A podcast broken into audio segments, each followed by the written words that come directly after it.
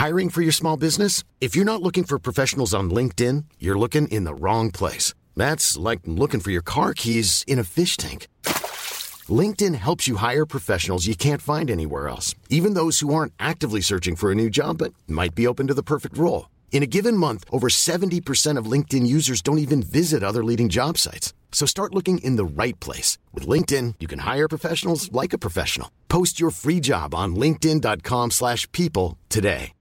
Hi, I'm Daniel, founder of Pretty Litter. Cats and cat owners deserve better than any old-fashioned litter. That's why I teamed up with scientists and veterinarians to create Pretty Litter. Its innovative crystal formula has superior odor control and weighs up to 80% less than clay litter. Pretty Litter even monitors health by changing colors to help detect early signs of potential illness. It's the world's smartest kitty litter. Go to prettylitter.com and use code ACAST for 20% off your first order and a free cat toy. Terms and conditions apply. See site for details. Since 2013, Bombas has donated over 100 million socks, underwear, and t shirts to those facing homelessness.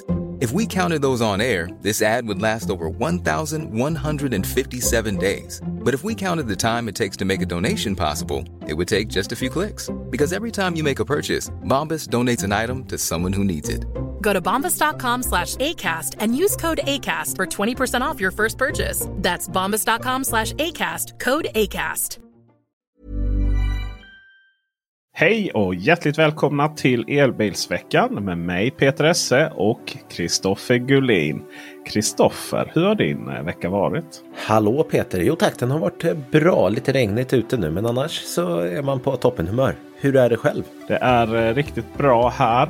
Den här veckan har dock gått i fossil inte så mycket fossilbilars tecken men i mycket fossilämnen har jag, har jag liksom varit med om att släppa ut här. Jag har kört dieselbil. Jag har åkt flygplan. Jag har åkt vad jag tror är dieselbussar också. Så att klimatkontot är högt just nu kan man säga hos dig? Det är det. Nog att det var ju kollektivtrafik då. Lite beroende på hur man ser på flygplan. Men eh, jag har provat eh, bilpool här. För jag är ju billös temporärt. Och bilpoolen här i närheten har en D3 XC40 D3. Mm. Det är ju dessutom någonting som du har varit med om att eh, köra elbil mot va? I en ganska så lång video. Nu var det inte en D3 eh, som du körde din elbil Det var bensinare Precis. som vi åkte i den videon. Och, eh, det var, men det var ju ändå liksom en motor som, som hörs någorlunda i alla fall och släpper ut. Och det känns ju smutsigt. Alltså det, det känns så gammalmodigt när man har, är så van vid elbilens respons och ljudlöshet om man säger så. Ja, så är det. Det som jag tyckte var roligt med den här XC40 D3. Vilken fantastisk dieselbil. Alltså missförstå mig rätt nu. När jag sätter mig i en XC40 elbil så känns det som att oj vad infotainmentsystem och sånt börjar bli gammalt. Jämfört då liksom med att, ja, men vad vi är vana vid elbilar. För det är ett ganska gammalt infotainmentsystem. Men när jag sätter mig här och hör, igång, kör, hör dieselmotorn knacka igång. Då är det så här. Ja men det här är ett infotainmentsystem av sin era. På ett liksom, konstigt sätt. Då. Eh, Går tillbaka i tiden Ja men precis, lite. man går tillbaka i tiden. Eh, men det är ju Bilpool eh, Sunflit, eh, förlåt nu sa jag fel. Eh, eh, Volvo On Demand som ju innan hette M och innan dess De har bytt namn typ fyra gånger på senaste tiden här. Ja, det är riktigt smidigt. Eh, det måste jag ju säga. Och vi kommer att prata om det i ett senare avsnitt. Jag har ju hyrt eh, Polestars av dem tidigare. Eh, som jag har haft på eh, Youtube-kanalen sen. Och det är ju supersmidigt. Det är otroligt, otroligt smidigt. Riktigt duktiga. Och det som är kul då i elbilssammanhang är då att det numera går att hyra eller plocka ut, eller vad vi kallar det i bilprovssammanhang, eh, elbilar även i Malmö och i Göteborg.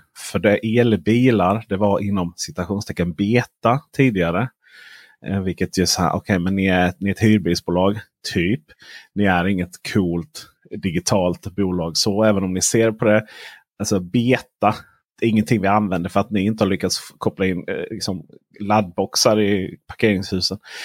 Men i vilket fall som helst, det där kommer vi ta i ett annat avsnitt. Men jättekul Volvo On Demand att det funkar så bra och att eh, ni får mer elbilar här nu.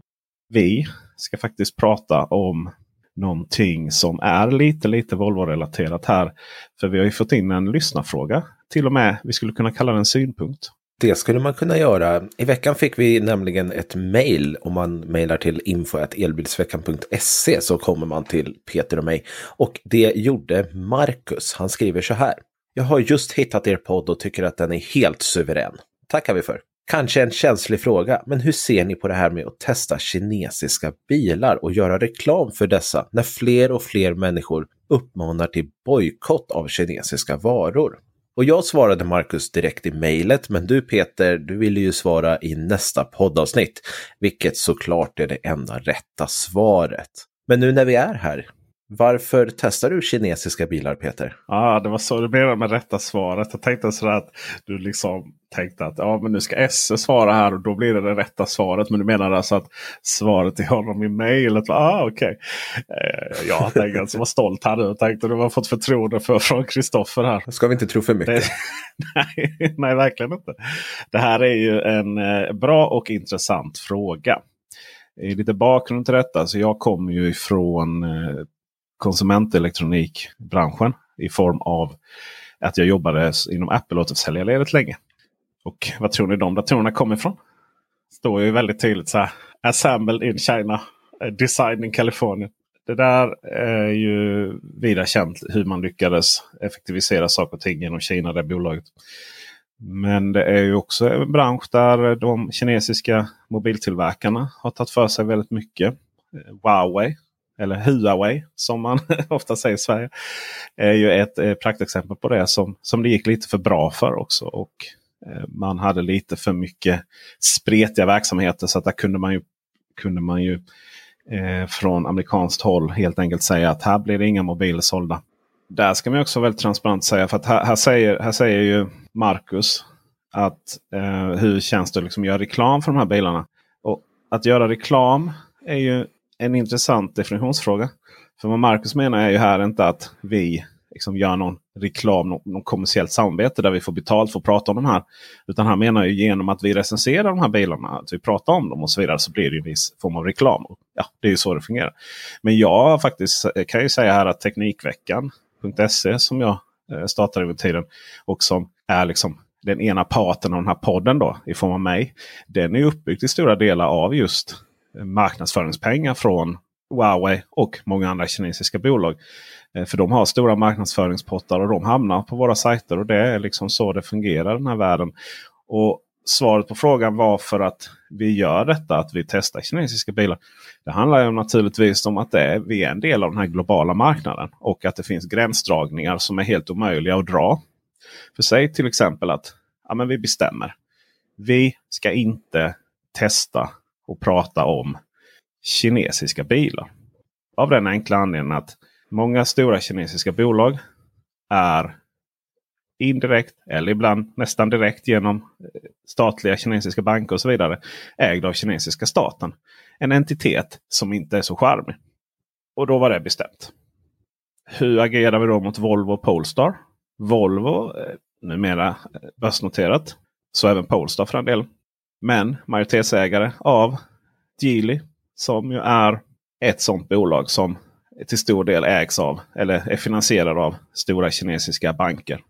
Ja Okej, okay. men ägandeskapet är en sak. Men, liksom, men, men bilarna det är ju svenska. Ja, vissa modeller tillverkas i Torslanda. Men de har ju, det går ju så bra för Volvo nu. Grattis Volvo ändå, får man säga. Sveriges största arbetsgivare.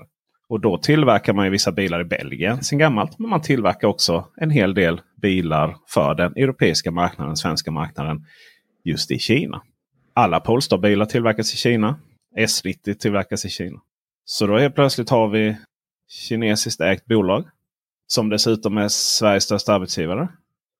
Som dessutom bilarna tillverkas i Kina. Nu börjar ju gränsdragningen bli rätt jobbig. Okej, okay, men då skippar vi Volvo då, Polestar vad har vi kvar då? Ja, men vi har ett, kvar ett gäng tyskar. Då. Och där har vi som vi kan se två problem. Dels så Geely har ju intressen i vissa tyska bil och lastbilskoncerner också. Eh, bara som tar ett exempel. Volkswagen Group ägs visserligen 31% av Porsche. Automobile Holding är det ju. Ska sägas. Det är ju lite roligt där för Porsche äger Volkswagen. Som, och sen äger Volkswagen Porsches bil, bilutveckling. Men det är en annan, annan historia. Eh, men eh, 25% ägs av eh, random fonder. Liksom, från hela världen. Men 14,6% ägs av Qatar Holding. Qatar är ju ett land som inte är så himla trevligt alltid. Kända för att vissa kontroverser runt fotbolls-VM och så vidare. Vidare så är ju Kina till exempel ett land där Volkswagen också verkar i stort. Med hela tre stycken sådana här samarbetsbolag för att kunna tillverka bilar där nere. Eh, FAV Volkswagen, SAIC Volkswagen och Volkswagen Anau. Det var inte rätt uttalat där kan jag säga. Så det blir ju lätt lite whataboutism här. Men det handlar om att vi verkar på en global marknad. Där frågor runt vad som är korrekt och riktigt på den här globala marknaden. Det är helt enkelt på en annan nivå än vad vi jobbar med. Det finns journalister som är experter på att ta fram orättvisor runt om på planeten. Och De ska man lyssna på. När man ska göra sina val runt vad man köper sina produkter oavsett vad det handlar om. Oss ska man lyssna på eh, som en parameter när det kommer till är det här en bra eller dålig bil. Man ska lyssna på säkerhetsexperter när det kommer till hur säker är en bil. Och Det handlar till exempel också om saker som hur lätta bilar är att hacka som en, en parameter. Men också vad, han, vad hamnar den här datan som, som bilar samlar in. Till exempel då vi har ju framförallt de kinesiska biltillverkarna är ju väldigt duktiga när det kommer till säkerhets, säkerhetsarbete. Och som en del av det säkerhetsarbetet finns det mycket sensorer och kameror. Vad handlar, hamnar den datan? De undersökningarna de är dels för jag ska inte säga komplicerade för oss att göra. Men det hade, hade varit en typ av profession. En typ av en annan podd. Jag är till exempel med i Bli säker-podden med Karl-Emil Nicka som släpps varje fredag. Han är en sån person som granskar det. Honom ska man lyssna på. Men det ska också sägas att det jag känner till runt det här när det kommer till insamling av data och säkerhet. Det är att de kinesiska mobiltillverkarna just för att de vet om att det här, den här känslan av övervakning och sånt finns. De är extra duktiga på det där. Och även om det har varit vissa incidenter med mobiltelefoner som skickar sensordata och sådär. Så har det oftast inte liksom varit den här rädslan över att, att kinesiska staten skulle övervaka mig som privatperson genom våra mobiltelefoner eller bilar. Den kan vi nog släppa. Så det var ett långt svar här som jag tror kan sammanfattas med att vi ska vara helt ärliga och säga att vi måste smalna av det vi gör. Vi kan bara kolla på om de här produkterna är bra eller dåliga. Men som dig som slutkonsument måste hela tiden ha med parametrar när du ska göra dina aktiva val. Så vad var det du svarade Marcus då i mejlet? Kan vi få det också? Det var väl i princip eh, det du sa på slutet här att eh, i, på min kanal så har jag valt att inte ta någon form av politisk ställning. Jag tror inte att folk tittar på mina videos för min politiska åsikt. Utan där försöker jag vara oberoende eh, och bara se till den faktiska bilen som jag har framför mig här och nu. Tycker jag om den, tycker jag inte om den, vad är det som är bra, vad är det som är dåligt? Vem som äger bilen och vem som har tillverkat bilen, det är ju en aspekt som den som köper bilen måste ta hänsyn till, absolut. Men där får man också göra sina egna personliga val. Är det så att man vill bojkotta Kina, ja men köp inte en MG då till exempel. Men jag tänker inte ignorera flera bilmärken på den svenska marknaden bara för att ägaren råkar vara Kina. För det kommer ju också göra att jag inte tar hänsyn till hela marknaden och då är det i min värld svårt att eh, recensera en bil och jämföra den med andra märken på marknaden. Om man bara tittar på en liten del så att säga. Så därför har jag valt att eh, vem som äger bilmärket, det är inte relevant för videon. Däremot så kan det ju vara relevant för den som köper bilen. Men det ingår inte i min video. Vi ska fortsätta prata om vad vi numera skulle kunna definiera som ett kontroversiellt ämne. Det kan vi väl säga va? För eh, det har ju uppstått en, eh, mycket skriverier här på sistone om Easy laddbox. Och jag har följt detta ända sedan det startade. Men jag upplever att jag har inte haft någonting att säga runt det här. Men sen har ju rubrikerna blivit allt mer tillspetsade. Och nu senast då så kunde vi läsa hos en kollega i branschen här, en annan podd. Sveriges vanligaste laddbox kan vara en dödsfälla. Är du drabbad? Det är lite hårda ord faktiskt för vad som har hänt. Så vad är det egentligen som har hänt då? Jo, Elsäkerhetsverket påbörjade förra året en granskning av laddboxar för elbilar. Sju stycken boxar granskades. Detta inkluderar bland annat Zaptec och Easy samt ett gäng andra. Då. Syftet att testa dessa produkter är så att säkerställa att de är säkra att använda. Vilket ju innebär då i elsäkerhetssammanhang att eh, motsatsen till en säker elprodukt är ju att vi då skulle få en elchock när vi använder dem. Klassiskt oskön känsla. Särskilt när det är så hög effekt och så hög strömstyrka. Då. I de här laddboxarna måste det finnas DC-skydd, DC-läckageskydd. Och Det betyder att likström inte ska inom citationstecken läcka tillbaka in och ja, ska vi använda en lekmannaterm här, eh, göra knas med växelströmmen. Eh, och lite andra skydd som, som krävs helt enkelt för en säker produkt. Och Det var inte bara Easy som fick synpunkter utan det var flera tillverkare som fick motfrågor. Framförallt rörande dokumentationen. Hur menar ni här? Kan ni skriva om det här och sådär. Eh, liksom ingenting konstigt alls. Så. Eh, det, var, det, var, det var inte på, vad ska man kalla det, förekom en anledning den här granskningen startades. Att det hade hänt någonting. Utan det var bara liksom att det är det här Elsäkerhetsverket gör helt enkelt. Kollar klassiska typiska elprodukter i hemmet. Och laddboxar är ju någonting som finns ganska så många av hemma hos oss. Jag har, jag har bara två. Jag vet inte, du har också två va? Men de flesta har bara en tror jag. Jag har faktiskt en Easy hemma. Det var ju en sån jag installerade hos brorsan. Ja, Han fick den på trähuset där. Det är bra. Precis. Någon vill åt arvet. Nej, skämt åsido. Uh, ingen dödsfälla som sagt. Av allt att döma så är det framförallt Isis som har stött på patrull. Då. Det beror på så vitt vi kan tolka saker och ting. Inte på att Easy på något sätt medvetet försök alltså via bedrägligt beteende installera en osäker produkt. Det handlar nämligen så ofta om hur man ser på olika regleringar. Det går dock inte att få ut så mycket mer information än det brevet som Elsäkerhetsverket har skrivit till Easy och sen Easys svar då på tror 19 sidor. Vad är det egentligen allt det här? Ja, det beror på lite vem man frågar naturligtvis. Vilken insikter man har om olika tekniker och sådär. Men så som jag lyckats kunna komma fram till så handlar det om att Elsäkerhetsverket anser inte att konstruktionen för den jordfelsbrytaren och överspänningsskydd och DC-skydd som finns i Easyboxen uppfyller de krav som finns enligt gällande eh, rådande definitioner. Då. Kärnan i det här är att om den inte uppfyller de här kraven exakt så som är skrivna. Så menar Elsäkerhetsverket att då finns den inte. Och i och med att ISA har skrivit att vi har jordfelsbrytare. Men på myndighetssvenska så finns det liksom inget alternativ här. Så som IC tycker. Och därför så finns den inte.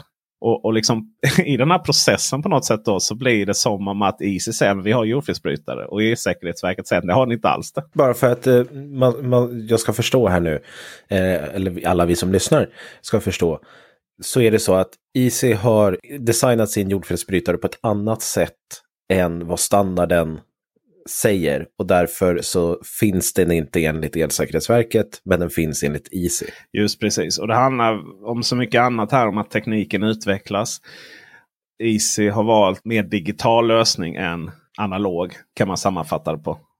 I det här då så finns det två olika synsätt på hur man då ska följa de här reglerna i regelverken. Då. Och IC menar på att så länge slutsatsen, den praktiska användningen, är densamma Alltså att om, som jordfelsbrytaren ska skydda mot, händer. Då kommer IC-boxen ta det. Den kommer skydda mot det. Medan Elsäkerhetsverket säger då att det måste lösas på exakt det här sättet. Jag, ska säga, så jag var i kontakt med Elsäkerhetsverket och de kommenterar inte det här överhuvudtaget. Så alltså man, man kan inte ställa motfrågor. Man kan liksom inte få hjälp med och, vad, vad menar ni här och sådär. Utan det kommer i den utredningen som på, pågår nu. Precis, för Elsäkerhetsverket har en pågående utredning som inte är färdig. Och, och tills den är färdig så väljer de att inte kommentera någonting. Nej. Den här informationen borde egentligen inte vara officiell från deras sida? Ja, vi är ju, vi är, vi är ju ett land med offentlighetsprincipen så allting är ju officiellt. Så, men det var ju så att det gick ju att begära ut de här handlingarna och det var ju någon som gjorde det. Mm. Och sen så började det då spridas på Facebookgrupper och så vidare. Men då blev det ju väldigt mycket sådär att det var i och med sådana här, myndighetssvenska är väldigt specifikt. Då, så att det var liksom så här, ja men eh, om inte det här löser sig kan det bli eh, säljstopp. Bara, säljstopp! Herregud, herregud, det här måste spridas på Facebookgrupper. Så men, men det är sådana standardformuleringar. Och det är naturligtvis så att om, om Elsäkerhetsverket efter den här granskningen anser att ja, men det här är fortfarande inte säkert. Alltså det är fara för, mig, för Eh, en individ. Ja, då är det naturligtvis så att det kan bli tal om säljstopp. Men det fanns liksom ingenting i den här dokumentationen som på något sätt ökade den risken. Eh, så Det var inte så här att eh, okej, okay, men de här kablarna som ni har, de duger överhuvudtaget inte. Jag menar, det är som Apple till exempel igen. Då. Vi fick ju byta ut alla iPhone-laddare. Alltså vi pratar alla iPhone-laddare som var såld till ett visst år fick Apple byta ut i hela världen. 100% av alla laddarna. För de laddarna hade för dålig isolering. Med två eller små 5 voltsladdarna. Och det gjorde man, eh, jag tror de, de hade en skada, någonting hade hänt. Då. Så det, det, är inte det här det handlar om. Utan det handlar om väldigt mycket hur man ser på olika tekniska lösningar för att uppnå samma sak. Då. I detta är det en, eh, en utredning. Så beslut om det här kommer om ett par veckor. Eh, jag tror att det kan handla någonstans mellan att Elsäkerhetsverket nöjer sig till att sorry guys, och girls. Ni får nog faktiskt se till att installera en extern djurfridsbrytare till alla era kunder. Och det är inte så att säga. Det låter ju, det låter ju otroligt. De har ju fler, sålt flera hundratusen här. Men eh, bolag är ju försäkrade mot sådana här saker. Så att det kan ju om så fall bli dyrt för säk eh, försäkringsbolaget. Nu bara spekulerar jag. Nu gör jag lite samma misstag som, som många andra. Men alltså, det är inte så här att det helt plötsligt bara oh, de som har någon form av skadeglädje här, jag vet inte för att man typ håller på en viss laddboxbolag. Det är ju, det är så, det är bara inom teknik man håller på. Så teknik och sport. Okej, okay, mat också. McDonalds, Burger King, Easy eller Volvo. um, ehm, jag, tr jag, tror inte så himla mycket kommer hända. Och, och eh, Sitt lugn, var lugn. Ring inte elektrikern och be dem inte koppla ut den. Den har fungerat bra fram tills nu och den kommer fortsätta fungera bra laddboxen. Det är ingenting som man själv som kund kommer behöva stå för i händelse av att, att eh, man faktiskt att det behöver göras någonting. Det ska också sägas att jag pratat med en hel del konkurrenter till Easy. Och man är otroligt försiktig att närma sig den här frågan. Man, man, det finns ingen sån här... Eh, bara, oj, vad, alltså det finns ingen opportunism i detta. Det finns ingen det finns ingen tanke om att oj nu kommer vi, det kanske finns men ingen som har kommunicerat till mig. Det finns liksom ingen så här att eh, så här, nu kommer vi så sälja mer, haha konkurrenterna går dåligt för. Eh, och, och, och, min gissning är att Easy är inte unika i sina teknikval. Utan man har ju använt standardkomponenter för att liksom lösa det här som finns på marknaden. Eh, man tillverkar inte alla komponenter själva. Eh, nog att Easy får ta en ganska stor smäll här då, i händelse av att, att man inte är nöjd. Eh, men det kommer ju naturligtvis också smitta av sig så. För att om, om de här tekniska lösningarna överhuvudtaget, om de bara döms ut helt och hållet. Då tror jag att även flera andra tillverkares existerande eller eh, framtida boxar som kanske inte då var med i den här granskningen eh, kan behöva byggas om också. Och det är nog ingen som vill. Nej, den här nyheten släpptes ju ganska, om det var precis innan Ecar Expo också. Och där var det ju väldigt många laddboxbolag.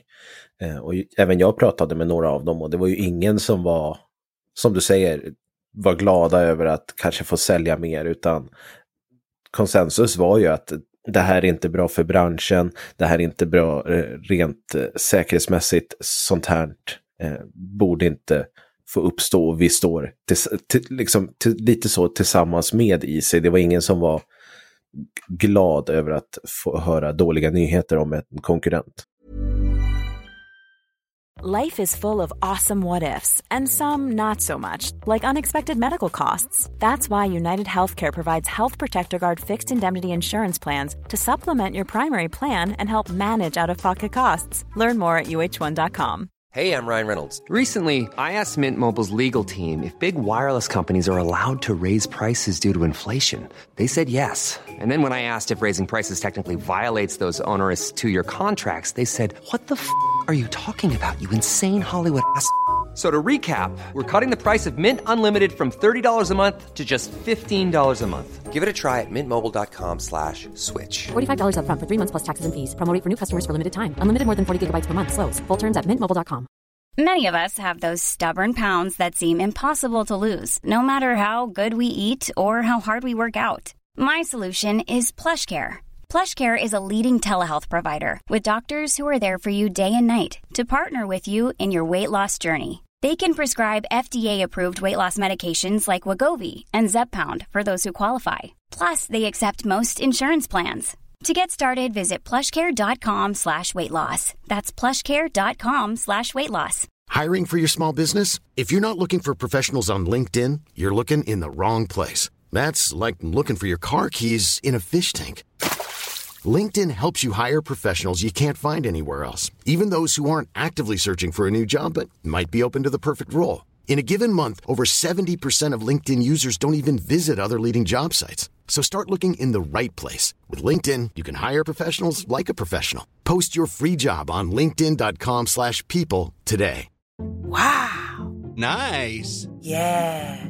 What you're hearing are the sounds of people everywhere putting on Bombas socks, underwear, and t-shirts made from absurdly soft materials that feel like plush clouds.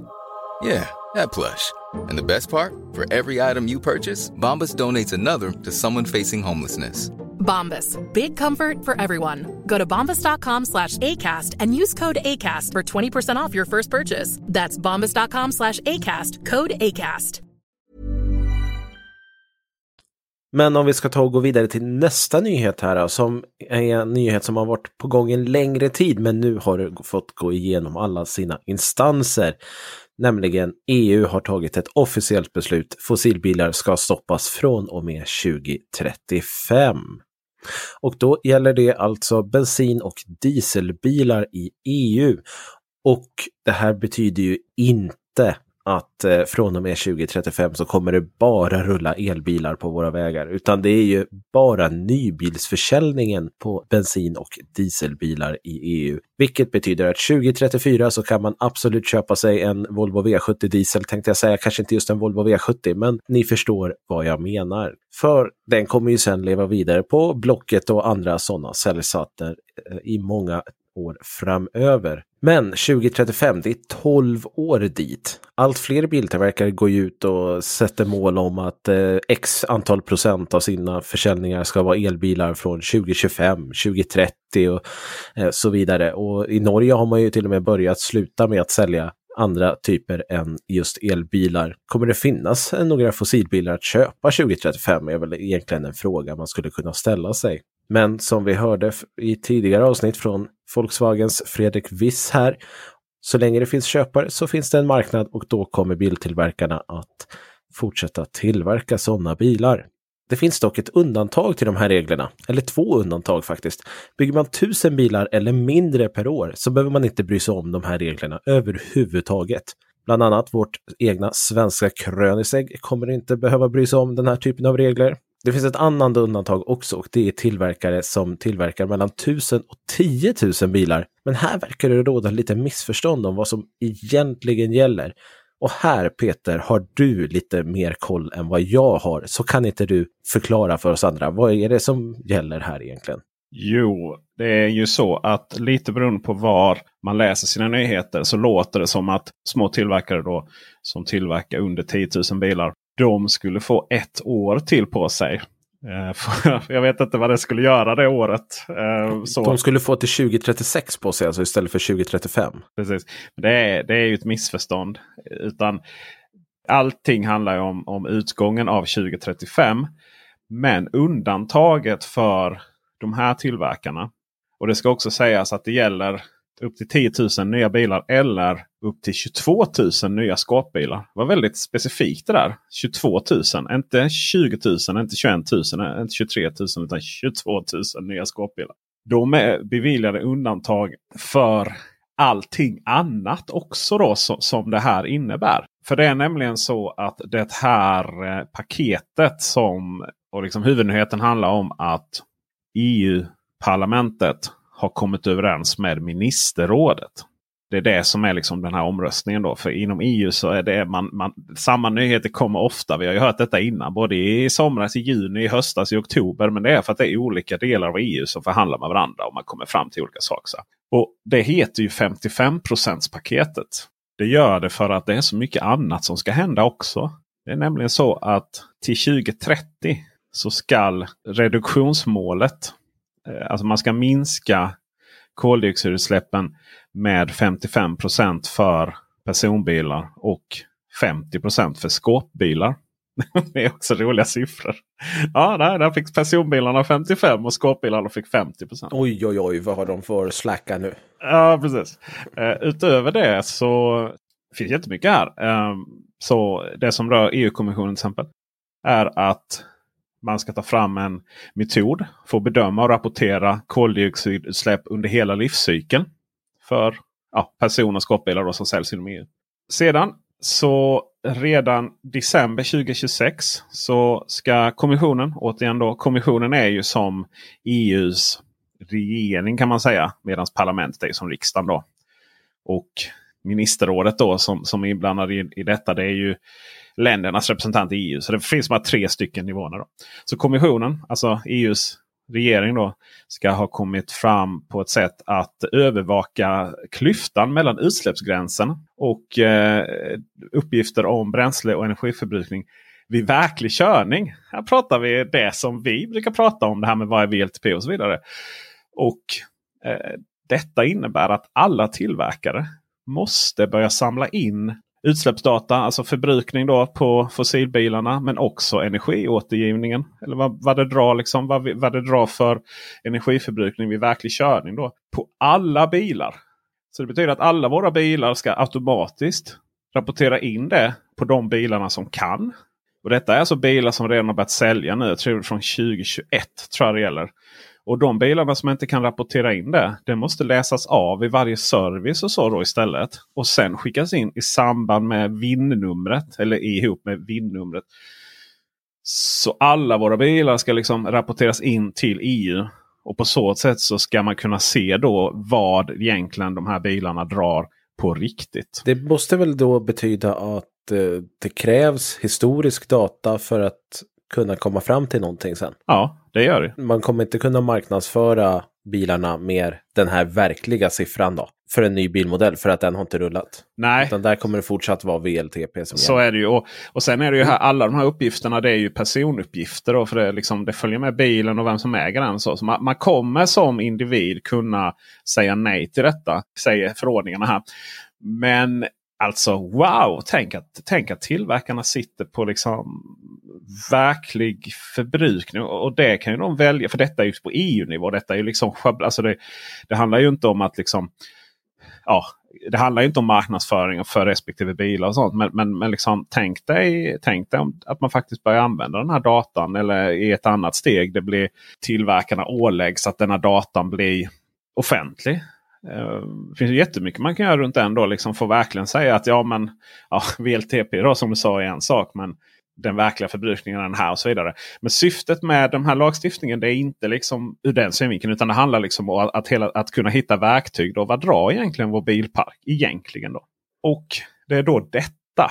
Alltså de här eh, mellanliggande reduktionsmålen för 2030. då Att det ska ner 55% för personbilar. 50% för skåpbilar. Att det ska börja samlas in uppgifter om bränsle och energiförbrukning vid verklig körning och lite annat smått och gott. Det är då detta som de här tillverkarna av eh, mindre än 10 000 bilar eller 22 000 skåpbilar är undantagna fram till utgången av 2035. Därefter sen så måste de också rapportera in detta och ja, deras bilar måste också så att säga vara nere på noll. Då. Så tillverkar man 1001 bilar då måste man hitta ett sätt att få ner sin... Eh, sin försäljning. Ja. det, det kanske är absolut enklast. Bara skippa de där två sista bilarna och så bara skiter man i allt. Ja, exakt. Nej, men eh, skämt åsido. Till slutar, I slutändan så kommer de alltså också behöva ha samma regler som alla andra. Utan det är de här som gör tusen bilar eller mindre som kommer klara ja. sig ifrån de här klimat, eh, miljömålen, kanske man ska kalla dem. Precis, och det är ju det är ju också så vi ska vara väldigt ärliga med att säga att biltillverkare som, som gör så få bilar är ju inte ett problem ur ett övergripande miljöperspektiv på det sättet. Naturligtvis. Nej, jag har svårt att tro att det är särskilt många som lägger 20 000 plus mil på sina Koenigsegg's. Nej, alltså det är inte många Koenigsegg i, i köerna på Essingeleden i Stockholm. Det är ju en sak som är ganska så, så säkert. Synd, det hade gjort det roligare. ja, just, det hade det verkligen varit. Men eh, det har ju riktats lite kritik mot detta eh, hela paketet. Ja, precis. Det finns ju från alla möjliga håll och kanter. Bland annat finns det från miljöhåll som menar på att eh, man har ju bara tittat på vad som faktiskt kommer ut ur avgasen, eh, röret på bilarna och inte på hela tillverkningsprocessen och det vad som händer med bilen när den skrotas. Där menar man ju på att elbilen ligger väldigt dåligt till, vilket är sant då. Men det tittar ju inte den här regeln på. Andra menar ju att det är jättevälkommet och att EU nu tar ett eh, nytt steg och visar vart världen är på väg och visar tillverkarna eh, vart man är på väg också så att de får tydliga regler. Sen finns det också de som menar på att eh, beslutet inte hade behövts alls för att marknaden kommer ta tag i det här ändå eftersom eh, vem kommer vilja köpa en bensinbil 2035? Och alla har väl rätt på sitt vis skulle man säga. Det är eh, lite vart ifrån man eh, står från början. Men det är i alla fall bestämt att 2035 så blir det inte så många bensin och dieselbilar. Det är en sak som är säkert. Och jag kan garantera att inom två år så har vi den första tillverkaren av fossilbilar som bestämmer sig för att i Sverige så säljer vi bara elbilar. Jag tror att svensk del så ligger vi strax efter Norge där ju. Det är ju flera biltillverkare som har gått ut och sagt just i Norge att man ska sluta sälja någonting annat än bara elbilar. Och Sverige ligger, jag håller med om att Sverige ligger nog som en väldigt god tvåa där. Och sen så som du säger då att ja, behövde mark eller kunde inte marknaden lösa det själva. Marknaden har ju, den så kallade marknaden så att säga, har ju efterfrågat ur eh, biltillverkarperspektivet ganska så eh, tydligt mål här nu.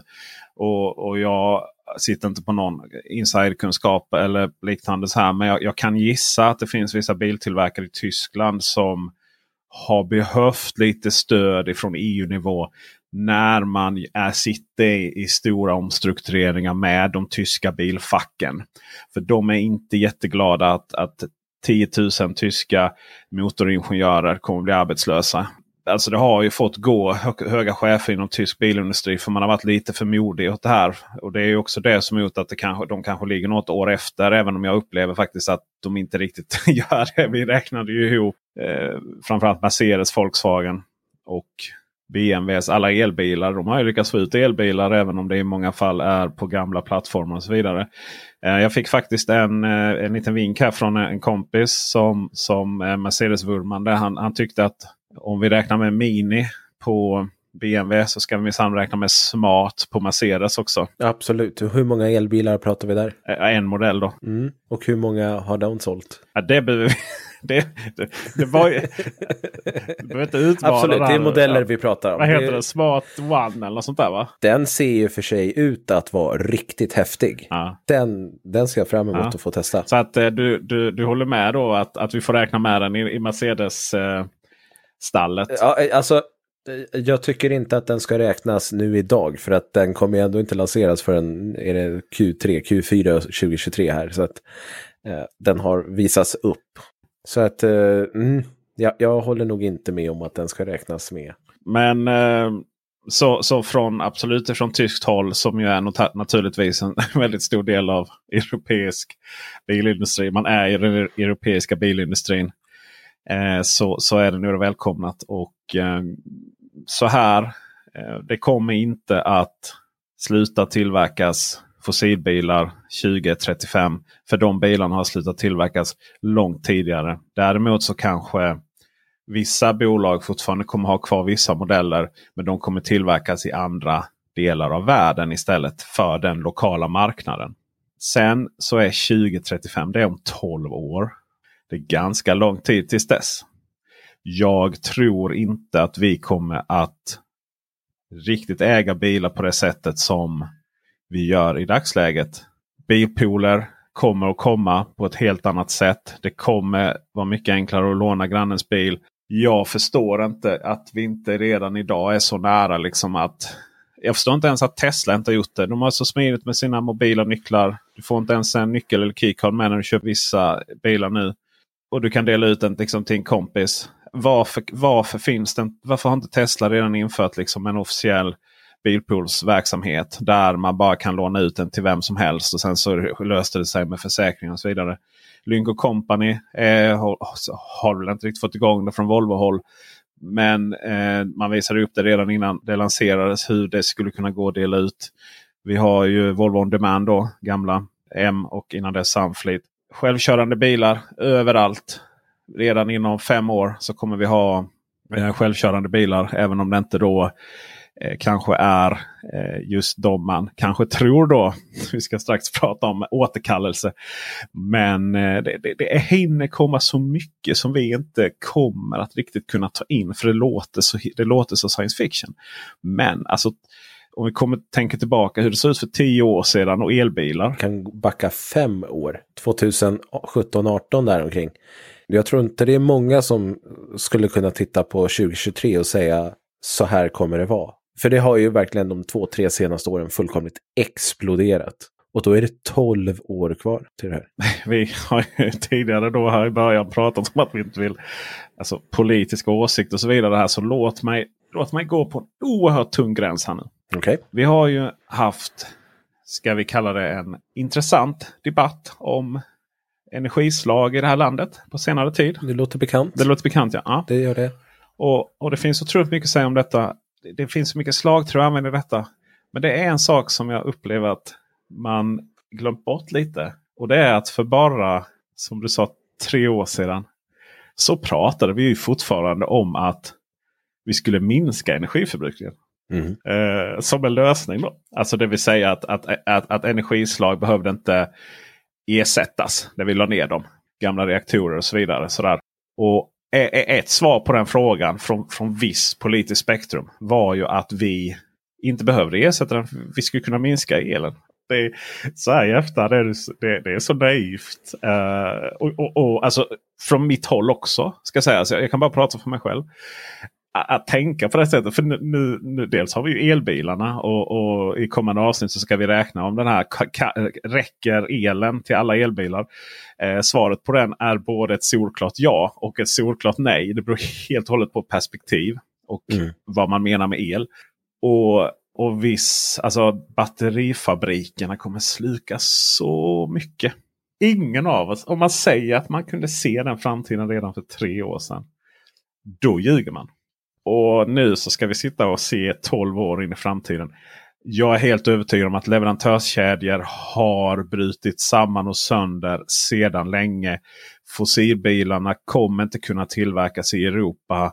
Alltså vi pratar som du sa 5-6 år för att det kommer helt enkelt vara för dyrt. Så de här 12 åren, nej det, det, det är ingenting vi kommer behöva vänta här uppe. Utan eh, det kommer att vara en otroligt spännande tid här nu de kommande fyra, fem åren. Eh, det kommer krylla med elbilsladdare. Man kommer börja ersätta bensinpumpar och dieselpumpar med, med elbilsladdare under tak. Och det kommer vara så Alltså det kommer vara så fruktansvärt jobbigt för vissa människor. Och jag kommer njuta av varenda sekund. Ja, eh, jag ser fram emot att få fler laddare i Sverige. Det har vi inte som en nyhet här, men M-Sverige gick ju faktiskt ut, eh, om det var nu i veckan här, och sa att eh, det fattas väldigt många laddare i stora delar av Sverige. Så att, eh, och ju mer vi går mot elbilarna, desto alltså mindre problem kommer det där bli tror jag. Det dyker ju upp snabbladdare som svampar just nu. Bara 2022 så dubblerades det och jag tror att 2023 kommer, om inte dubbleras, så nästan tredubblas. Eh, jag tror att det kommer växa enormt mycket nu. Där ska man vara lite strategisk mina vänner. För det, det, kan lätt vara så att man hamnar i någon form av försvarsställning. Så här att okej, okay, det klagas på att det finns för lite laddare. Och då är det så men oh, kritisera inte elektrifieringen. Det finns laddare överallt. Det är ju lätt att säga när man bor där jag bor, liksom där det bokstavligt talat finns laddare överallt. Stockholm och söder om Stockholm är otroligt väl etablerat längs motorvägarna och städerna. Eh, och även norr om Stockholm upp till en viss punkt. Då. Men håll igen lite där. Bara, ah, säg bara att det är för jävligt. För vet, om det, blir, det gäller att skapa den här imagen av att det inte finns knappt någon laddare överhuvudtaget. För då liksom blir det de här politiska processerna och det här trycket som gör att vi får ännu mer laddare. Så, så håll lite igen där med försvarstalen. så. Vi ska gå över till eh, några som är riktigt, riktigt, riktigt bra på försvarstal. Och det är ju nämligen så fort det händer någonting om Tesla. Väldigt bra på att bygga snabbladdare också ska vi säga. Också väldigt bra på att bygga snabbladdare. Och Tesla är ju någonting som ständigt skapar känslor. Och det ska det få göra. Jag älskar det. Det är liksom jättekul. Och, och min officiella ståndpunkt i Tesla-frågan är ju att de har för evigt alltid kunnat gå till historien som det bolaget som snabbade på elektrifieringen och ställde till det för övriga branschen och det har man gjort riktigt, riktigt bra. Det man kanske har gjort lite mindre bra då till nyheten. Det är att man är lite för liberal på hur man ser på dess självkörande funktioner. Vi har ju kunnat höra, jag menar Tesla skulle införa full självkörning varje år sedan tio år tillbaka ungefär. Ju. Och nu så här har man ju den bästa och största chansen att göra det eh, som man någonsin har haft med sin nya då, Eh, full self-drive beta i amerikanska mått mätt. Då. Men nu kablades ju nyheten ut om att Tesla får återkallat över 360 000 bilar. Det är ganska så många bilar att återkalla, ta in på servicen, koppla upp en, någon dator till någon port och sen så förändra det här då eller är det så det fungerar Kristoffer? Tänk om det fanns bättre sätt att göra en återkallelse på. ja, tänk om det bara var att skicka ut en mjukvaruuppdatering som raderar detta. Och det är naturligtvis så det gör. Precis. Vi måste prata lite om begreppen här inom bilvärlden. För det är inga 360 000 Tesla-bilar som har återkallats. Mjukvaruuppdateringen har ju om möjligt då återkallats. Det vill säga att man helt enkelt har skickat ut en signal till bilarna som säger att tyvärr mina vänner, det blir ingen självkörning här. Och anledningen att det inte blir det, det är ju att bilarna har betett sig lite konstigt i det här läget. Det har helt återigen inte varit redo för marknaden. Men det är Teslas problem att lösa. Andra biltillverkare gör ju det där lite mindre offentligt. Man testar ju lite mer, man har lite mer sensorer. Tesla har ju också liksom, äh, vi behöver inga LiDAR, vi har bara våra kameror. Och sen så och då har andra biltillverkare sagt att det där är ju omöjligt. Man måste ju ha redundanta system. Vi har ju liksom lite kameror har vissa funktioner, LiDAR har vissa funktioner och sådär. Skitsamma, det är Teslas problem. Men vi måste sluta använda ordet återkallelse. Återkallelse av bilar kan inte inte vara någonting annat än så som det fungerar inom bilindustrin. Det händer liksom hela tiden att konstruktionsfel upptäcks. Om det är så att det är livsfarliga japanska airbags som sitter i många bilar runt om i världen. Ja, då får de in på verkstad och, och bytas. Ofta är det ju någon kabel som ligger i kläm i kardantunneln eller någonting som liksom upptäcks efter risk. Då. Vi pratar igen då om elsäkerhet. Alltså det här ofta att men det kan eventuellt hända vissa saker. Och då får man då återkalla alla bilar. Och det, återkallelse låter så hemskt också. För det är ju ett, man hade kunnat säga då får Volvo be sin, om vi tar Volvo i det fallet, liksom, för det är så klassiskt svenskt. Liksom, det är ju alltid, har ju alltid varit en nyhet när Volvo har återkallat bilar. Det handlar ju om att serviceverkstäderna bokar in tider för kunderna och så får de komma in och så fixas detta. Eh, och Det är liksom en del av hela ekvationen. Det är ju också för övrigt eh, det är så här, de åren det har hänt, det är ju då liksom man läser sådär, ah, Bilia, service, eh, Bilia går med rekordvinster. Det är för att man har gjort mer service. Liksom. Okej, okay, men då var det väl en återkallelse då. Alltså. Men nej, jag tror inte vi kan använda ordet återkallelse. Jag har faktiskt aldrig heller hört återkallelse i fråga om när det varit digitala bekymmer med Volvo och Volkswagen. Jag menar, inte ens när Volkswagen, alla ID-bilar var tvungna att åka in på verkstad för att få nytt 12 volts batteri för att kunna uppdatera till först mjukvaruversion 2.4 för att sen kunna uppdatera till mjukvaruversion 3.0. Då kallar man inte någon återkallelse. Så att någonstans så är det ju fortfarande så att Tesla skapar ju andra typer av rubriker än vad andra biltillverkare gör. Men är inte en återkallelse just att man rapporterar till myndigheter att det här är ett säkerhetsproblem? själva 12-voltsbatteriet i ID-bilarna är ju inte ett säkerhetsproblem per se som har rapporterats till eh, myndigheter. Där har du en otroligt god poäng, även om ett dåligt fungerande infotainmentsystem är ju en säkerhetsrisk. Men ja, okay. det, det, kan jag absolut skriva upp. Liksom. Jag håller helt och fullt med på den ja, punkten. Nej, men du har ju, det, har du, det, det, är en väldigt klok synpunkt. Men jag håller med om att mm. ordet återkallelse det är ju lite mer eh, myndighetsspråk så att säga. Och det har liksom stannat kvar i den här tanken där man där det handlade om kablar som låg fel eller mm. vad det nu var. Jag, jag har varit inne hos Bilia flera gånger med mina eh, bilar som, på grund av olika anledningar som jag inte förstår. Och då har de bytt någon del och så har man varit klar tio minuter senare. Idag så känns det inte lika relevant när det kommer till mjukvaruuppdateringar att kalla det för återkallelse. Nej, så eh, vi önskar lycka till med Tesla. Fortsätt göra det ni gör eh, med utveckling av självkörande bilar. Eh, lycka till bättre lycka nästa gång så att säga. Men var för evigt alltid en liksom, finne i röven. Oh, ja. Enda gången jag kommer använda detta på någon gång på resten av biltillverkarna. Eh, nu Kristoffer är jag ju lite intresserad av. Du har provkört Nissan Aria. Och vi får ju ställa den här, det du kommer berätta om den bilen nu mot Kristoffer med K som inte riktigt var lika imponerad med bilen från alltomelbil.se. Så nu är det alltså Kristoffer med CH som ska säga sitt. Rent krasst kan man väl säga att Kristoffer och jag är ganska överens om Nissan Aria. Eh, jag har ju som sagt provkört den nu under veckan här och det var en Nissan Aria med det lilla batteriet på 63 kilowattimmar. Det är väldigt mycket som är bra gjort med den här bilen. Den är snygg, den är trevlig att köra, den har en bra åkkomfort. Men jag tänker att vi ska börja med det här med batteri och siffror, för det gör sig ju så otroligt bra i podd.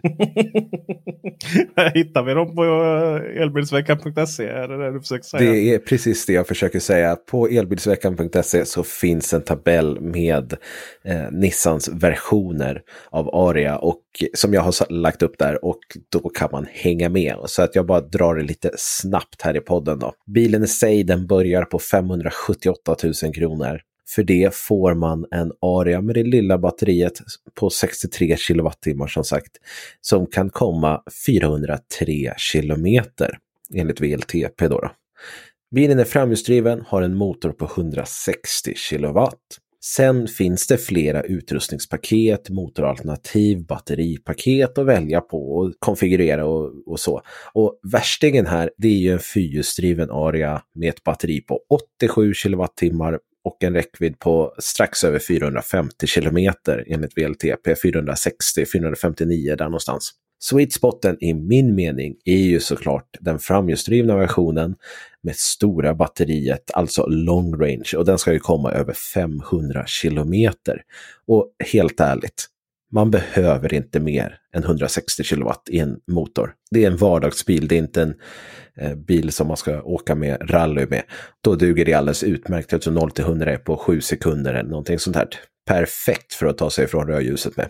Bagaget är på 490 liter, vilket är inte direkt eh, speciellt eh, någonstans, utan det är normalstort får man säga. Tycker man att det är för litet, då är det typ Skoda Enyaq som är den bilen som gör det bättre eh, och som är eh, lite mer kantig. För Arian har också valt att ha det här eh, designen som ID4 har med det sluttade glaspartiet i bak som äter upp en del av bagageutrymmet och tar bort den här fyrkantiga biten men som gör bilen lite mer aerodynamisk och eh, vilket såklart är bättre rent räckviddsmässigt. Det är så kul där med volym också för det mäts ju också på ett visst sätt. Det mäts ju upp till så kallade hatthyllan. Ju. Precis. Eh, och ID Life kom, som vi kollar på Ecar Expo. Den har ju bagage, alltså den lilla lilla ID Life som ska liksom komma in innan ID4. Som ska vara den minsta elbilen i Volkswagens flotta. Den har ju 440 liter bagageutrymme. Men det är för att den är så himla boxig där. Liksom. Mm.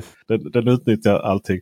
Så att det, det, där med bagageutrymme, hur vi mäter det. Det är som, nästan som distans VLTP. Det måste finnas ett bättre sätt att prata om det egentligen. Men, ja. Jag håller ju helt och fullt med till exempel Tesla Model Y som har jättehål i golvet.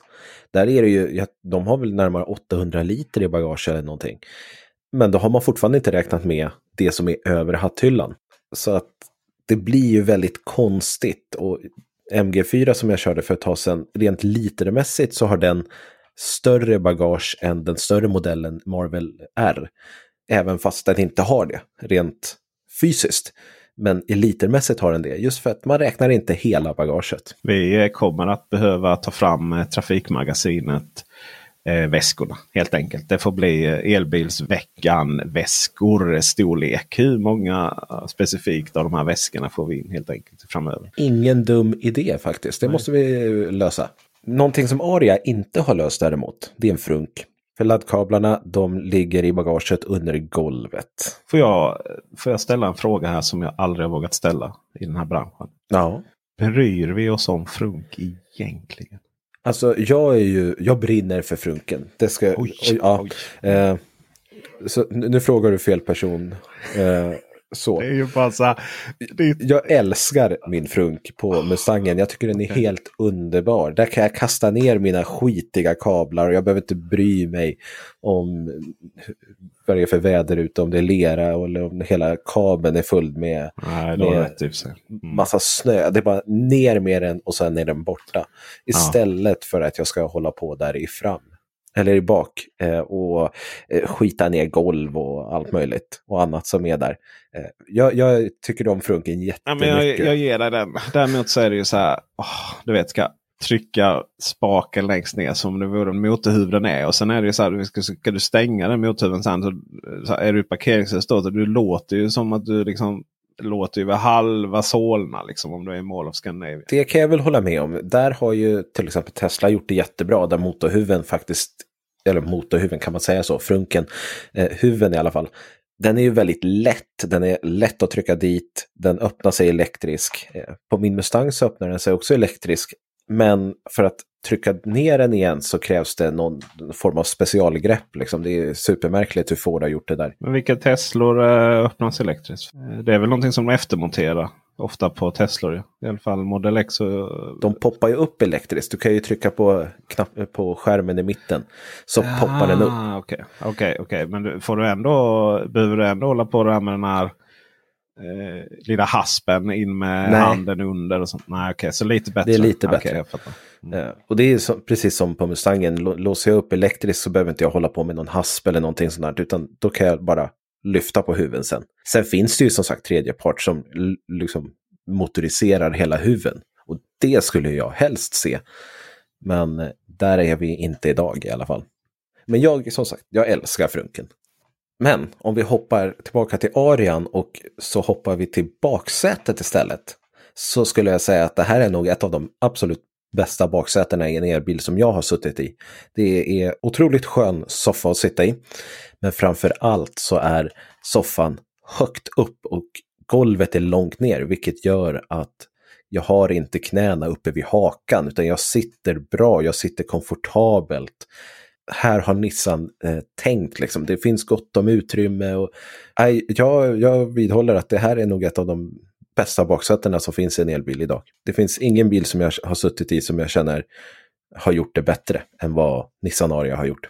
Men det är ju inte i baksätet som åtminstone jag sitter för det mesta. Jag sitter ju i framsätet och här har man det också ganska bra ska jag säga. Jag tycker att stolarna är riktigt sköna att sitta i och de har god support, något jag uppskattar. Att sitta en längre stund i de här stolarna är inga som helst problem. De går att både kyla och värma.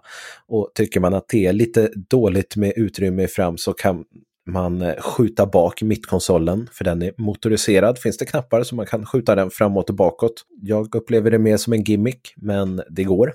Och alltså inredningen i Nissan Aria är supersnygg. Man har en 12-tumsskärm framför sig som är förardisplayen och sen har man en 12-tumsskärm som själva infotainmentsystemet finns på.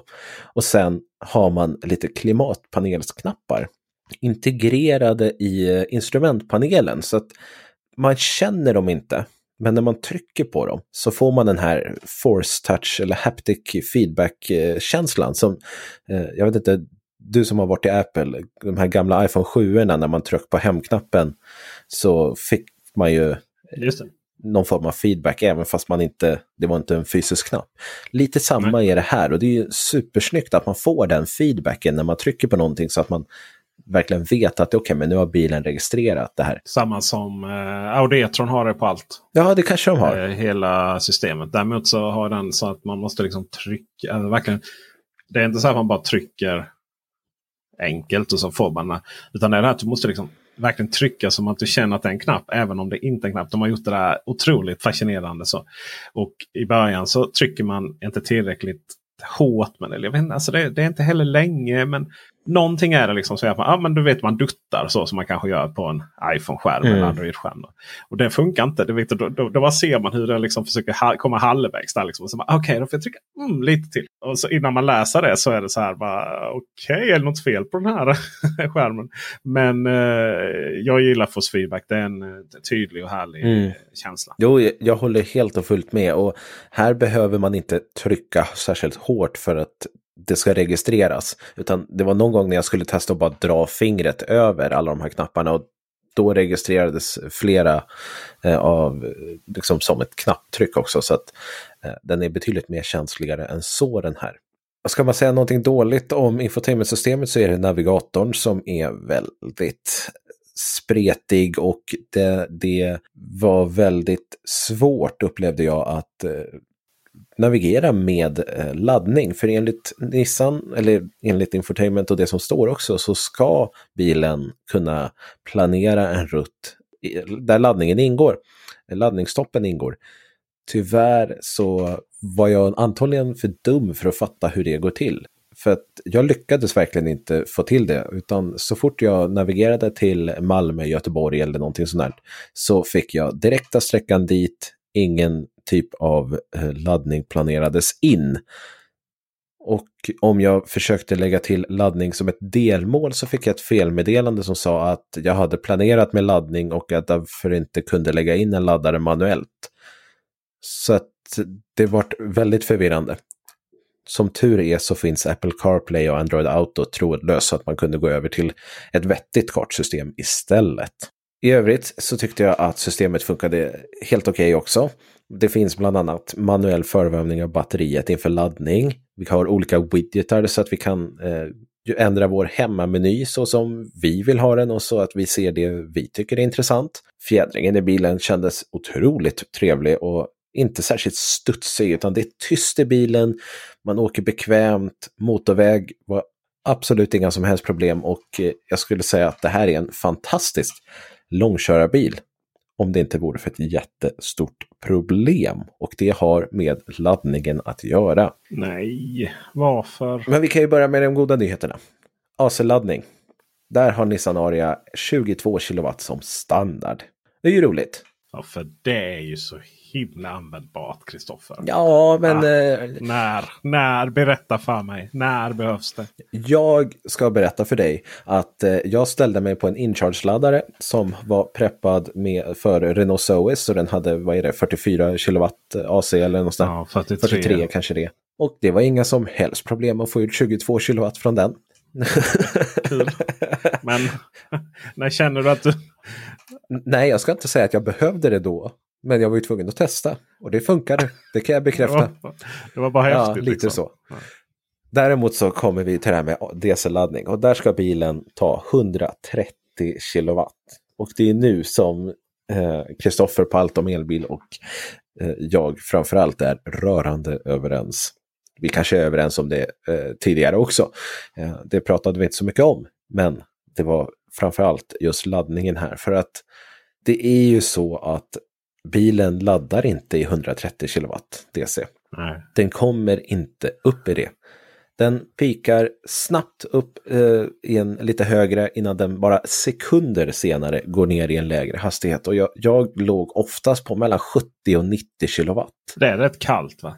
Hos er där uppe i, i norra Sverige. Alltså när jag, när jag testade så var det mellan minus 5 och 0. Så ja. absolut, det är strax under nollan. Men bilen har förvärmda batterier. Jag okay. gör ju långresor med bilarna där jag är ute och kör väldigt länge med dem och använder förvärmning. Men bilen vägrar ladda i 130. Där vill jag bara lägga in en liten parentes. Det är ju dess, det, detta är ju anledningen varför man, man och kvinna ska lyssna på Kristoffer Gullin. Titta på Kristoffer Gullin framförallt i Guiden om elbil. För att eh, det är de här långtidstesterna som eh, skiljer alla andra från dig. Och det är ju där du verkligen får reda på vad de bilarna går för. Och det är också där som då Nissan inte bara kan avfärda det. Så som jag gjorde här nu. Ja, ja, det är lite kallt. Nej, eh, det blir ju lite märkligt. för att jag mejlade ju Nissans pressansvarige eller presskontakten som jag har där och frågade det här med 130 kilowatt. Stämmer det verkligen? För jag, jag, lyckas inte komma upp i det. Och så fick jag till svar att ja, men alltså det beror ju på många olika orsaker. Jo tack, det är jag också medveten om. det är vi som har skrivit boken om de orsakerna. Liksom. men eh, hon sa också då att eh, de flesta eh, journalister som har testat bilen har normen verkar vara att man ligger mellan 100-115 kilowatt när det är några plusgrader ute. Så att nu när jag var några minus ute så var under 100 ingenting konstigt. Och det här är ju något som kanske kan verka logiskt för vissa, men jag tycker att det är faktiskt bara dåligt. Eh, om man har kört länge med en bil, om man har batteri för värmning, då ska bilen kunna ta 130 kilowatt. Det gör alla andra elbilar. Jag jämför ju Nissan Aria med alla andra elbilar som jag har kört och de klarar det här.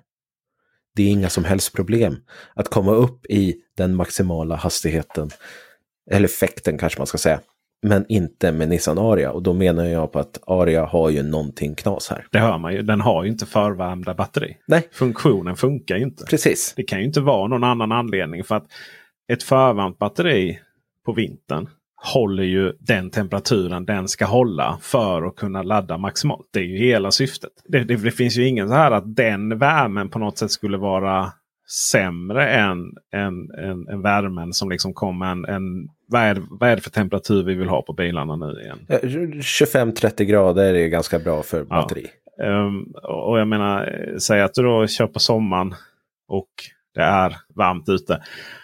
Den är ju mindre korrekt den värmen eller vad vi ska kalla det än vad, än vad liksom förvärme är. För om, en välfungerande förvärmning ska ju värma batteriet till perfektion. Lagom till du ska anlända till din laddare. Det är ju hela syftet. Här får ju Nissan göra ett omtag. Alltså. Ja, de, alltså laddkurvan i Arian måste de göra någonting åt. För att jag är ju, jag som inte kan ladda hemma. Jag skulle inte ens fundera över att köpa en Nissan Aria med så här dålig DC-laddning. 130 kilowatt är inte något att skryta med från första början att ha som max. Men när man inte ens kommer upp i det och när man för det mesta ligger mellan 70 och 90 kilowatt. Existerar inte. Då är det inte kul. Då hade jag ändå det lilla batteriet och jag hade många laddstopp där man fick spendera 40-45 minuter vid laddstationen. Ibland så när man får de här svaren från företagen då liksom att det, det, det är ju lätt för dem att för där och då kan inte de lösa problemet. De behöver nästan liksom lite minikris hantera här nu. När kommer en, en journalist som har gjort sig lite för bra jobb för det här. Och nu har vi, nu har vi två bra journalister här, motorjournalister som har gjort sitt jobb. Du och Kristoffer med K då. Eh, och ett F. Från allt om elbil. då. Och det gäller att hålla koll. Det är svårt alltså. Kristoffer med CH och 2F va? från Guiden om elbil har vi det här hört rösten på.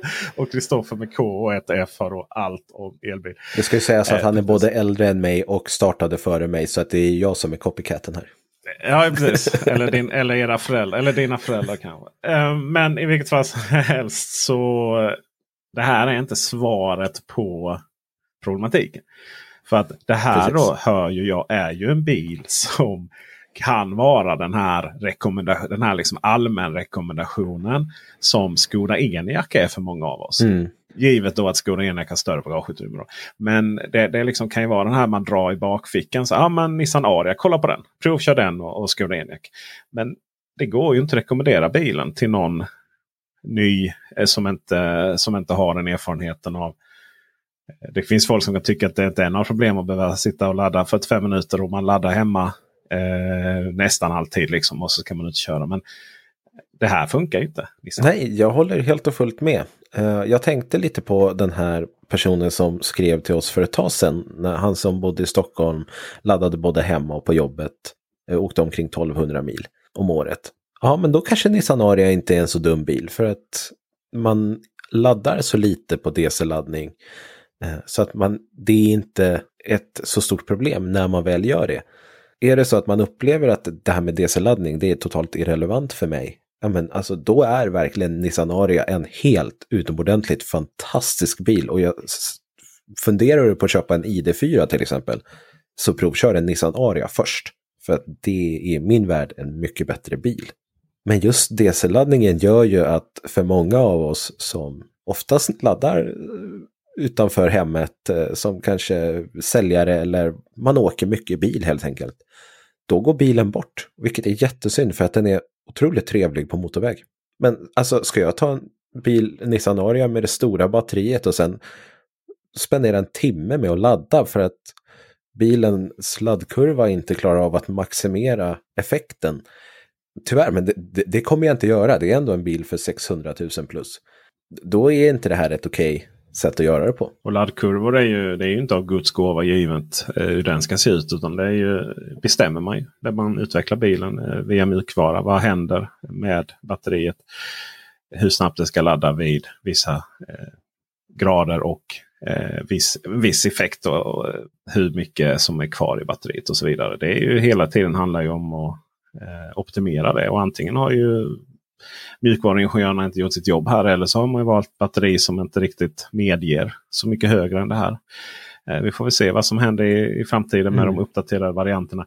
Eh, jag känner också att jag är svaret skyldig om varför jag precis tokdissade 22 kW AC-laddning. Men det mina vänner, det är inte i detta avsnittet. För nu eh, har det gått eh, mer än en timme. Och vi har faktiskt en intervju att klämma in här också. Spännande! Mm, eh, I första avsnittet av elbilsveckan tog vi upp det faktumet att eh, det är inte alltid så tydligt vad det kostar att ladda med EasyPark. Ibland så är serviceavgiften inkluderad i kilowattimmepriset som vi ser och ibland inte. Jag har faktiskt varit med om det här efter att vi pratade om det och då stod jag här och bara Åh, nu blev jag irriterad och tänkte på det du pratade om då. Just det. Och jag har ju velat prata med EasyPark om detta. Alltså svaret som fick då var vilket avtal man hade med olika leverantörer. Och jag ville ha förtydliga detta. Och det slutade med en hel intervju om hela Easy Parks verksamhet. Ett jättetrevligt samtal. Jag ska säga redan nu att svaret på den frågan är ju densamma även i intervjun. så att säga. För det finns bara ett svar. Så att eh, någon sådan förändring är inte tillgänglig eh, för oss här och nu. Men eh, ändå intressant intervju om Easy Park. Var kom Easy Park från? Hur har de nått sin ganska dominerande ställning? Varför kan man starta laddare överhuvudtaget med Easy Park? Och eh, hur ser det ut i framtiden? Och vad har man mer för funktioner? Håll till godo. Anders Bäck, Sverigechef Easy Park. Vad är Easy Park?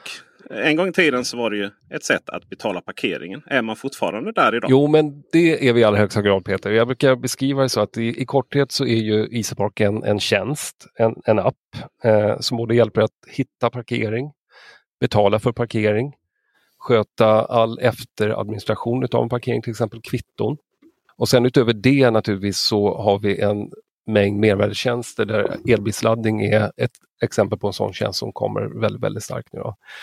Eh, allt det här i akt och mening att göra bilistens liv så enkelt som möjligt. Vad var det som gjorde att ni blev så stora? Ja, men då, om jag tittar i backspegeln ska jag säga, för jag har varit med länge. Jag kan berätta att min resa började ju eh, i princip för dryga 20 år sedan. Då. Och vi startade upp verksamheten runt millennieskiftet. Eh, vi satt i en liten, liten källarlokal på Strindbergsgatan i, i, i Stockholm och hade naturligtvis vansinnigt stora planer. Och jag tror att vi väldigt tidigt så skapade vi goda relationer till städer och parkeringsoperatörer. Och Jag tror också att vi har varit otroligt duktiga på att prioritera och hålla fokus, där, där enkelheten för bilisten alltid har stått i fokus. Och Det är ganska kul att tänka, vi har ju fått en mängd propåer genom åren. Eh, exempel, eh, kan ni hjälpa oss att hantera betalning för den godisautomaten? Eh, kan ni hjälpa oss med public transport? Men, men vi har hela tiden haft en, en stark tro på och fokus att, att fokusera just på bilisten och enkelheten och de tjänster som, som, som kringar det. Jag tror också att vi har varit duktiga på att eh, jobba fokuserat med kundupplevelsen och, och varit lyhörda. Som alltid, tur längs med den vägen också. Vi har varit riskvilliga och, och, och ta risk och etablera nya innovationer hela tiden. Så det, jag tror att det är en jättekul och bra fråga. Jag tror att det finns många svar på det faktiskt. Vad kostar det då att parkera med Easy Park? Men till det faktiskt innan ni svarar på det. Hur ofta får ni skäll för att det är dyrt att parkera på stan? ja, det är också en bra, bra och rolig fråga Peter. Så här, om man tittar på nummer ett. Vi, vi bestämmer ju aldrig en parkeringstaxa. Det, det, det gör ju stad eller operatör. Så timpriset på parkering eh, bestäms till att börja med väldigt, väldigt lokalt. Eh, så att varje stad i det här landet, ytterst är det kommunfullmäktige som, som fattar beslut om priset för parkering på, på till exempel gatumark. Då. Så att eh, jag tror ofta så når vi en förståelse att vi, vi är ju inte ett parkeringsbolag utan vi försöker göra den här marknaden så enkel som möjligt genom de tjänster vi tillhandahåller. Eh, och paketeringen så som vi möter kund, eh, enkelt förklarat, parkeringsavgiften, den, den är inte vår. Den tillhör ju den lokala staden där du väljer att parkera eller kanske den lokala parkeringsoperatören. Och Sen i den paketeringen så möter vi kund på, på eh, olika sätt, eh, olika paket. Eh, man kan konsumera i sparktjänsten till exempel genom att vara månadskund hos oss. Och igen, parkeringsavgiften den transporterar vi vidare till den som ska det och har du en månadsavgift mot kund. Det där kanske är ett paket som passar väldigt väl om man har ett frekvent parkeringsbehov. Vi möter också kund i en, eh, ett paket där man kan betala eh, en serviceavgift de man väljer att använda tjänsten. Så att Det bygger helt och hållet på vilket behov och vilken preferens som, som kunder har i det fallet. Och Kopplat också till att, att tjänsten då ger möjlighet till en, en eh, massa fina mervärden. Eh, traditionellt sett om, om vi tittar bakåt eh, 10 år, 20 år, 30 år så, så var ju parkering just synonymt med att du, du kanske stoppar in ett mynt i en biljettautomat. Och sen behövde du samla på dig en, en mängd olika kvitton och, och försöka sköta den administrationen. Allt det där gör vi fullt ut digitaliserat idag. Eh, och som jag var inne på förut också paketerar en massa mervärden i form av elbilsladdning. Vi eh, märker också att eh, det sker väldigt, väldigt mycket eh, i den i inbyggda tjänster. Då. Så att idag bygger vi dessutom in tjänsterna inbyggt i, i eh, bilar på, på en mängd olika sätt. Då. Och jag brukar tänka att eh, det kanske till och med är så att det är det bästa stället att faktiskt konsumera våra tjänster på när det är inbyggt i bilen. Enkelt förklarat så brukar jag tänka att, att EasyPark, med EasyPark så har du biljettautomaten med dig i fickan.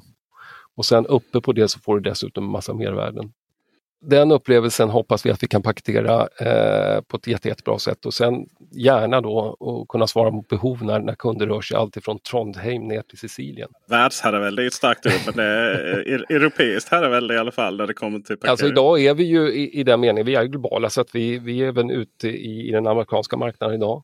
Har väl en ambition att, att möta och hjälpa bilister eh, varhelst eh, liksom, det behovet uppstår. Men, men, idag svenskt, nordiskt, europeiskt. Vi finns i eh, Storbritannien och vi finns också i, i USA. Idag. Så det är jättespännande. Här går det att använda EasyPark utan att ni tar något extra betalt. Men hur funkar den modellen? Ja, men i, I Malmö så erbjuder vi i samarbete med, med Malmö en lokal tjänst. Eh, och den är anpassad för, för det kanske lite mindre lokala parkeringsbehovet och är en bra tjänst eh, som fungerar då på lokal publik gatumark och lokal publik tomtmark i, i Malmö. Sen erbjuder vi parallellt med det det vi kan kalla är vår standardprodukt, den globala produkten. Och den tar vi då betalt för. Eh, och den standardprodukten ger egentligen möjlighet till alla funktioner och du kan dessutom använda den eh, överallt. Och sen får man ju som kund, baserat på vilken preferens man har, man kan ju hända att man har det här lokala behovet. Jag har bara behovet av att eh, parkera i Malmö. Och då är vi glada att erbjuda den tjänsten. Skulle det vara så att man har ett behov, för väldigt ofta är det ju så också ett parkeringsbehov, att man rör sig över inte bara kommungränser, man rör sig också mellan olika huvudmän för parkering. Så tar vi ett Malmö eller vilken stad som helst så har du alltid till exempel kommunal gatumark och då är det staden som du parkerar hos och, och vi hjälper dig på vägen.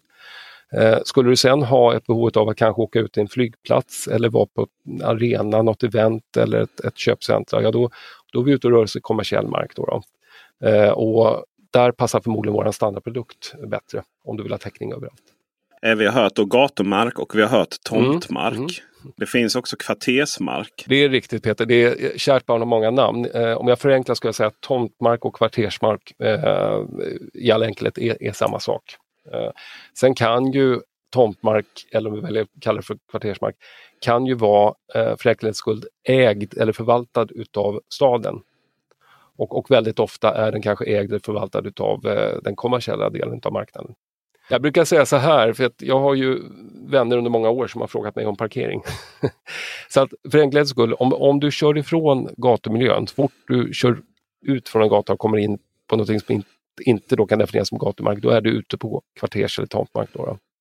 Och, och, gatumark runt om i hela landet eh, är ju eh, lokalt förvaltad. Så att du nämnde exemplet Malmö här. Tar vi Malmö gatumark så är det Malmö stad som förvaltar den och det är ytterst där man är parkeringskund. Då. Åker du till någon annan stad i det här landet så, så är du parkeringskund hos den lokala staden på deras förvaltade gatumark. Men det här är ju en elbilspodd och hela det här samtalet initierades av det faktumet att det också då går att starta igång laddningen via EasyPark-appen. Samt att det där ibland uppstod en viss förvirring kanske. Vad betalar man för och hur mycket då? Mm. Ja, men om man börjar i den änden. Vi har ju under 20 år eh, naturligtvis verkat i marknaden och, och, lagt mycket tid på att bygga upp en, en bred täckning för parkering. Som jag sa exemplet, du kan ta det från Trondheim ner till Sicilien.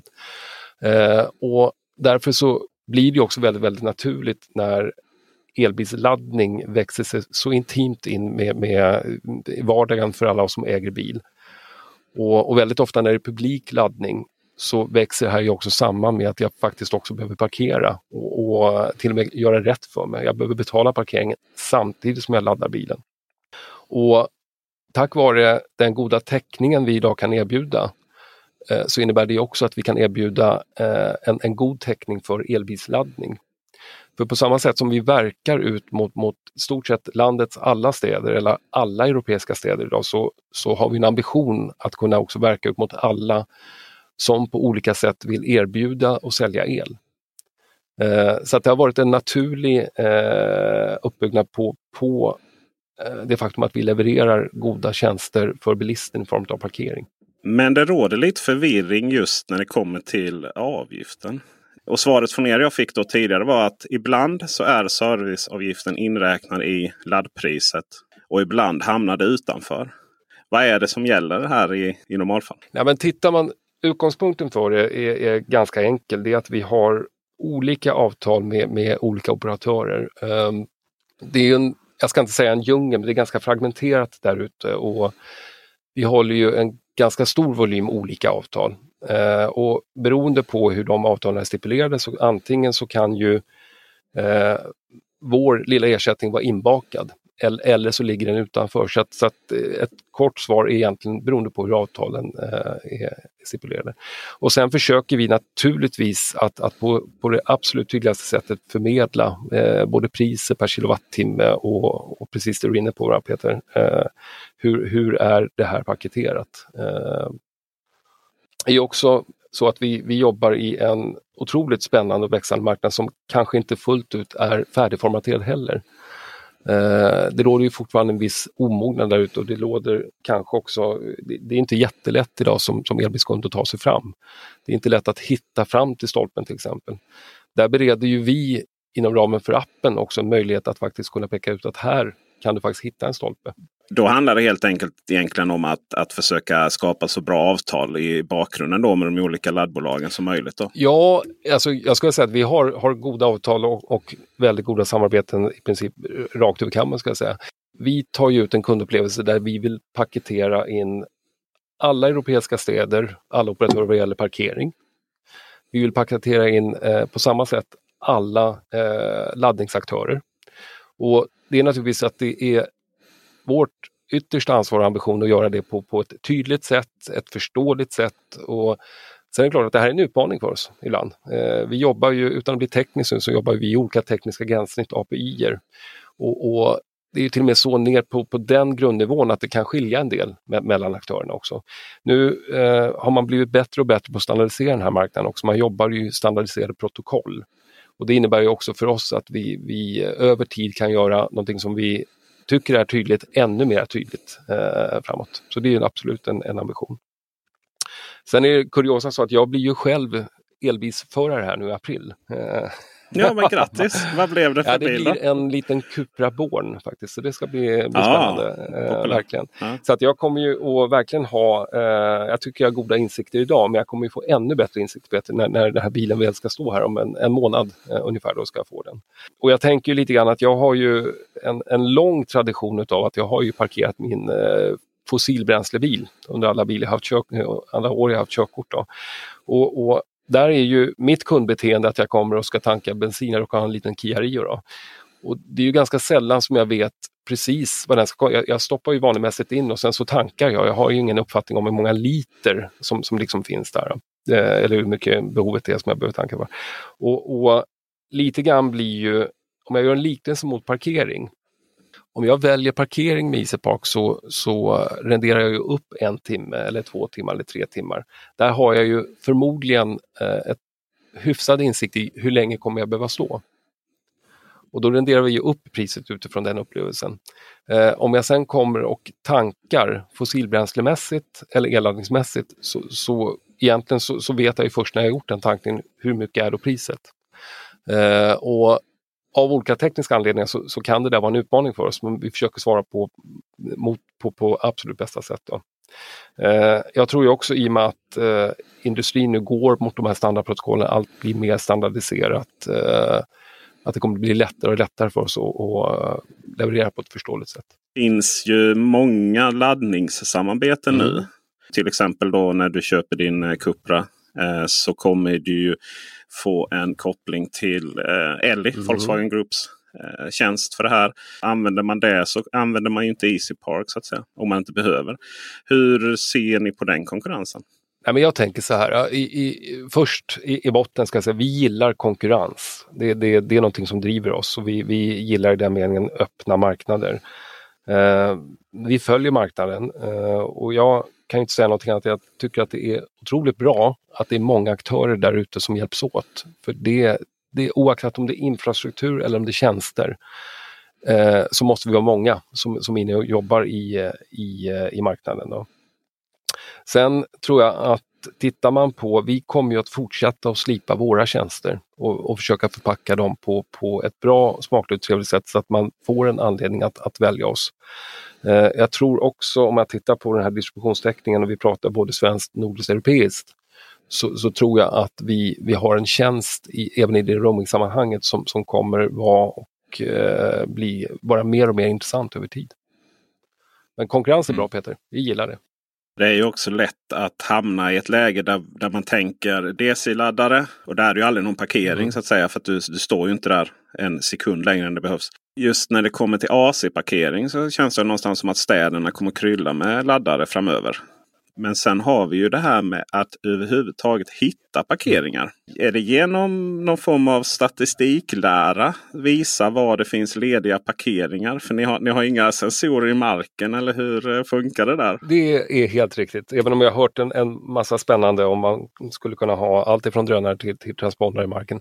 Nej, men vad vi gör, eh, precis som du var inne på Peter, vi paketerar en mängd god nyttig data och, och, genom den datan så kan vi presentera en sannolikhet för dig att, att kunna presentera var är det sannolikt att jag kommer hitta en ledig p-plats. Och sen tar vi ut den funktionen i, i appen. Nu är det här det är ingen navigeringstjänst, men, men om jag tar ett exempel. Eh, vi, nämnde, vi, vi, vi, nämnde Malmö förut och jag är ju ganska bekant med Malmö ska jag säga. Men, men säg att jag då eh, är på väg och ska göra ett besök på en destination i Malmö.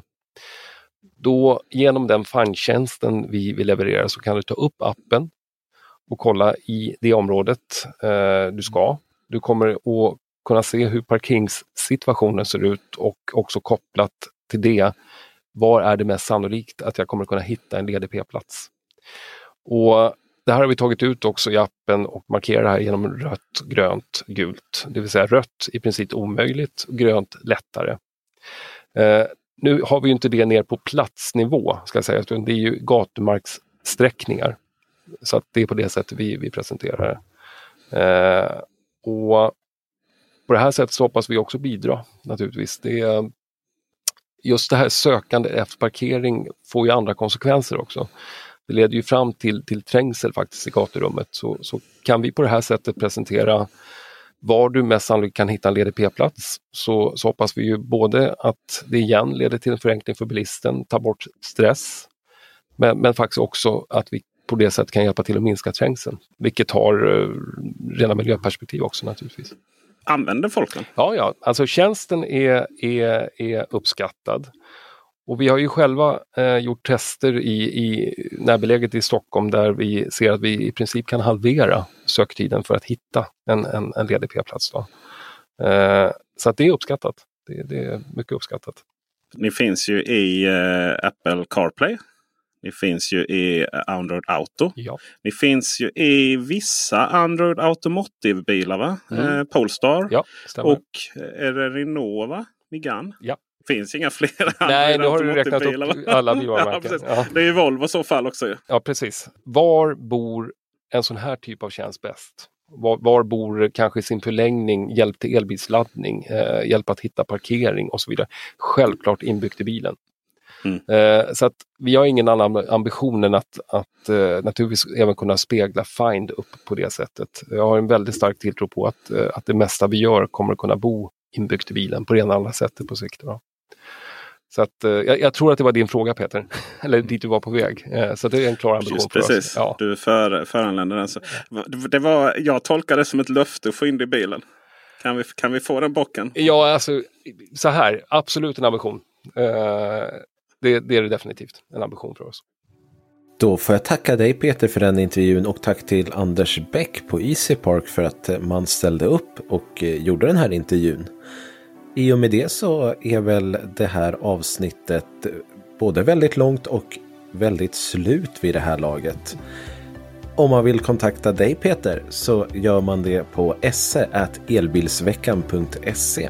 Och är det så att man vill prata med mig istället så kan man mejla till kristoffer.elbilsveckan.se. Vill man prata med oss båda så är det info.elbilsveckan.se och på elbilsveckan.se finns också våra show notes och tabeller för Aria och annat som vi har pratat om den här veckan. Vi tackar också ljudtekniker Dennis Klarin för det fantastiska arbetet att redigera ihop det här avsnittet. Vi är tillbaka redan nästa måndag. Vill ni höra Kristoffer Gullins lena röst och titta på honom så hittar ni honom på Guiden om elbil på Youtube. Ni hittar mig på Peter Esse på Youtube. Ni kan lyssna på vad jag har att säga också i Bli säker-podden med Karl-Emil Micka som släpps varje fredag. På återhörande. Hej! Hej på er!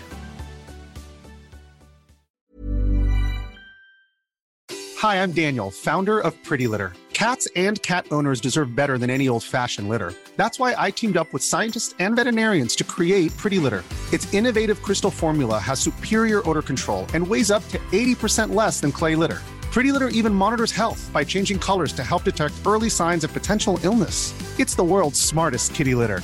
Go to prettylitter.com and use code ACAST for 20% off your first order and a free cat toy. Terms and conditions apply. See site for details. When you make decisions for your company, you look for the no brainers. If you have a lot of mailing to do, stamps.com is the ultimate no brainer. Use the stamps.com mobile app to mail everything you need to keep your business running with up to 89% off USPS and UPS. Make the same no brainer decision as over 1 million other businesses with stamps.com. Use code PROGRAM for a special offer. That's stamps.com code PROGRAM.